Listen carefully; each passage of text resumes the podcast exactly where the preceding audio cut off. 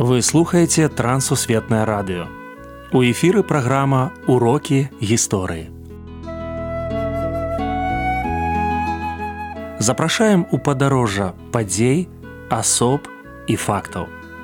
Вучыцеся разам з намі.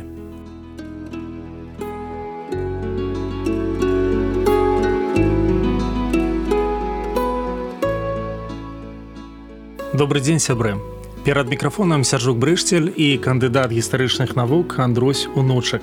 Сёння мы пагаворым пра голду мэйер. Прывітанне Андрусь. Прывітанне сяржук. Прывітанне шановна слухачы. Галоўныя кропкі біяграфіі.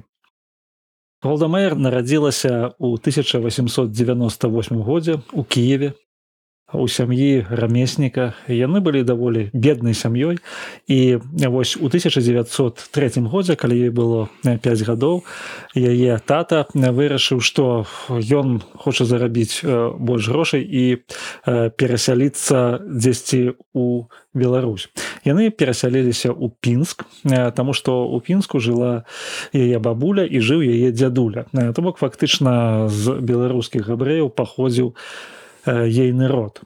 І пазней яны ўжо ў 1906 годзе пераехалі ў ЗША адтуль яна пераехала ў палестыну там ось у ЗША яна захапілася сіянісцкім рухам і вырашылі яны што будуць жыць там.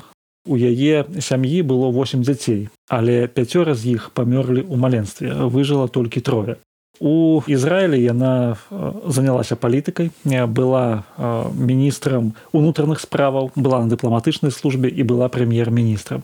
Вось калі коротка асноўныя моманты біяграфіі. Удзел нашай гераіні ў заснаванні дзяржавы Ізраіль удзел быў вельмі важным. Чаму? Таму што калі яны вырашылі перасяліцца ў палестыну залучаных штатаў Амерыкі то гэта было вельмі такое непростае складанае рашэнне. Адразу трэба сказаць што у ЗША яна яшчэ выйшла замуж за Морыса Мейерсона. Ну і такое вось это было прозвішча Мейерсон. Але яна пер, пры перасяленні ў Ізраілі яны вось гэтыя канчаткі выдалялі са сваіх прозвішчаў каб больш гучала натуральна на юрыце таксама трэба сказаць што на той момант тыя хто перасяляўся перасяленцы а гэта былі сорокавыя гады яны вымушаны былі займацца сельскагаспадарчай працай. То бок фактычна з раніцы да вечара нейкія працы на зямлі.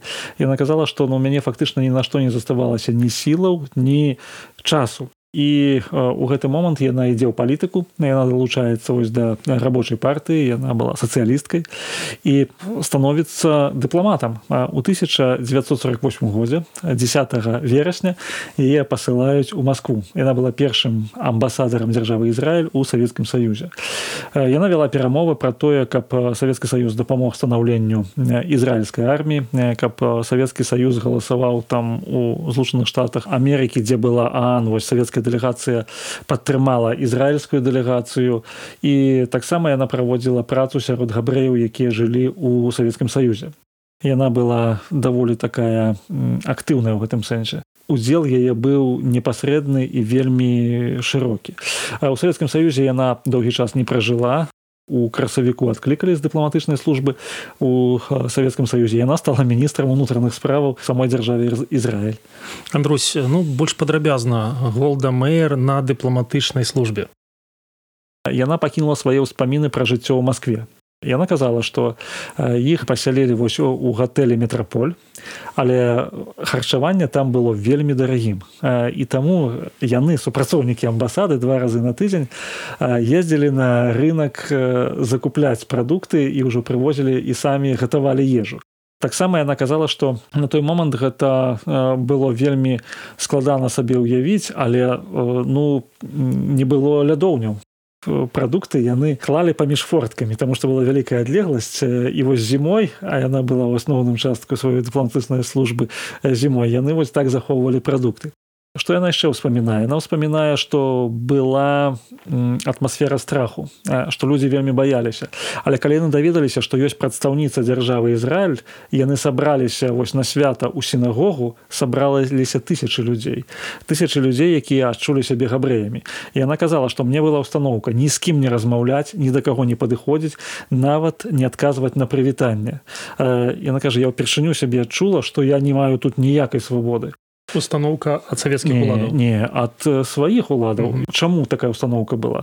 Таму што лічылася што гэта будзе заахвочваць эміграваць mm -hmm. габрэяў у палестыну а сама эміграцыя на ў савецкім стаюзе ў сталінскім яна лічылася злачынствам Таму яна вот вот такія ўспаміны пра дыпламатычную службу.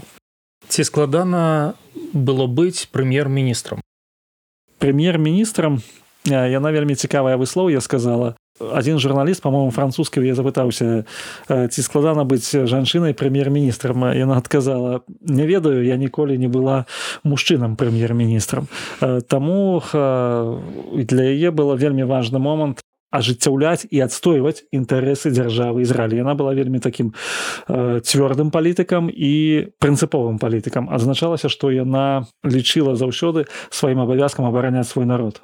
Расскажыце пра вайну суднага дня вайна суднага дня яна стала канцом кар'еры голдемеер Таму што 6 кастрычніка 1973 году егіпет і сірыя яны знянацку напалі на дзяржаву Ізраиль і голдамеер хоць і неаднаразова папярэджвалі яна не абвясціла папярэдняй мабілізацыі і гэта прывяло нават да судовай справы. У 1974 годзе яна вымушана была сысці з пасады прэм'ер-міністра таму што былі панесены вялікія страты. І Ізраиль апынуўся на мяжы увогуле знікнення Таму што мэта было скінуць габрэя ў мора.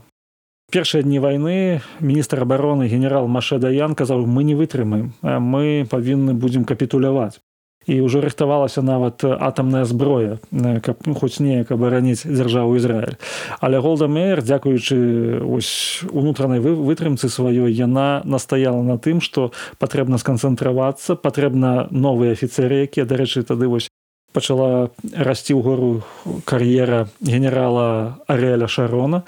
І спынілі вось наступ ну яна прызнала што гэта толькі Божая ласка і Божая дапамога нейкі цікавы факт жыцця голдымеер Яна хварэла на вельмі цяжкую хваробу крыві ў той час. Яна пастаянна лячылася, але нягледзячы на гэта дух яе быў настолькі моцным, што яна ажыццяўляла не проста абавязкі прэм'ер-міністра, а яна давала яшчэ прыклад мужнасці тым, хто змагаецца і заўсёды выступала на радыё ў вельмі бадзёрым настроі ось гэты такі прыклад хвароба ўнутраная цяжкая сітуацыя але бадзёрасць духу. Это мне здаецца добры урок гісторыі.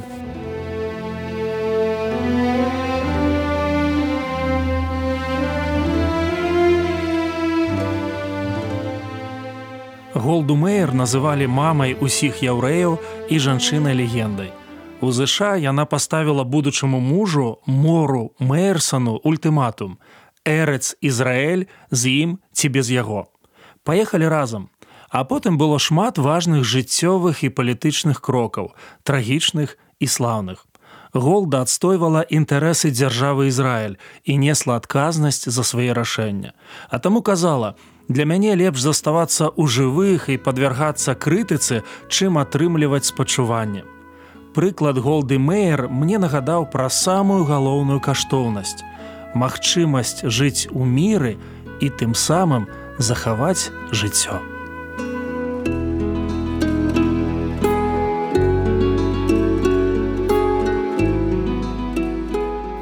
Дзякую, што далучыліся да нашага праекту.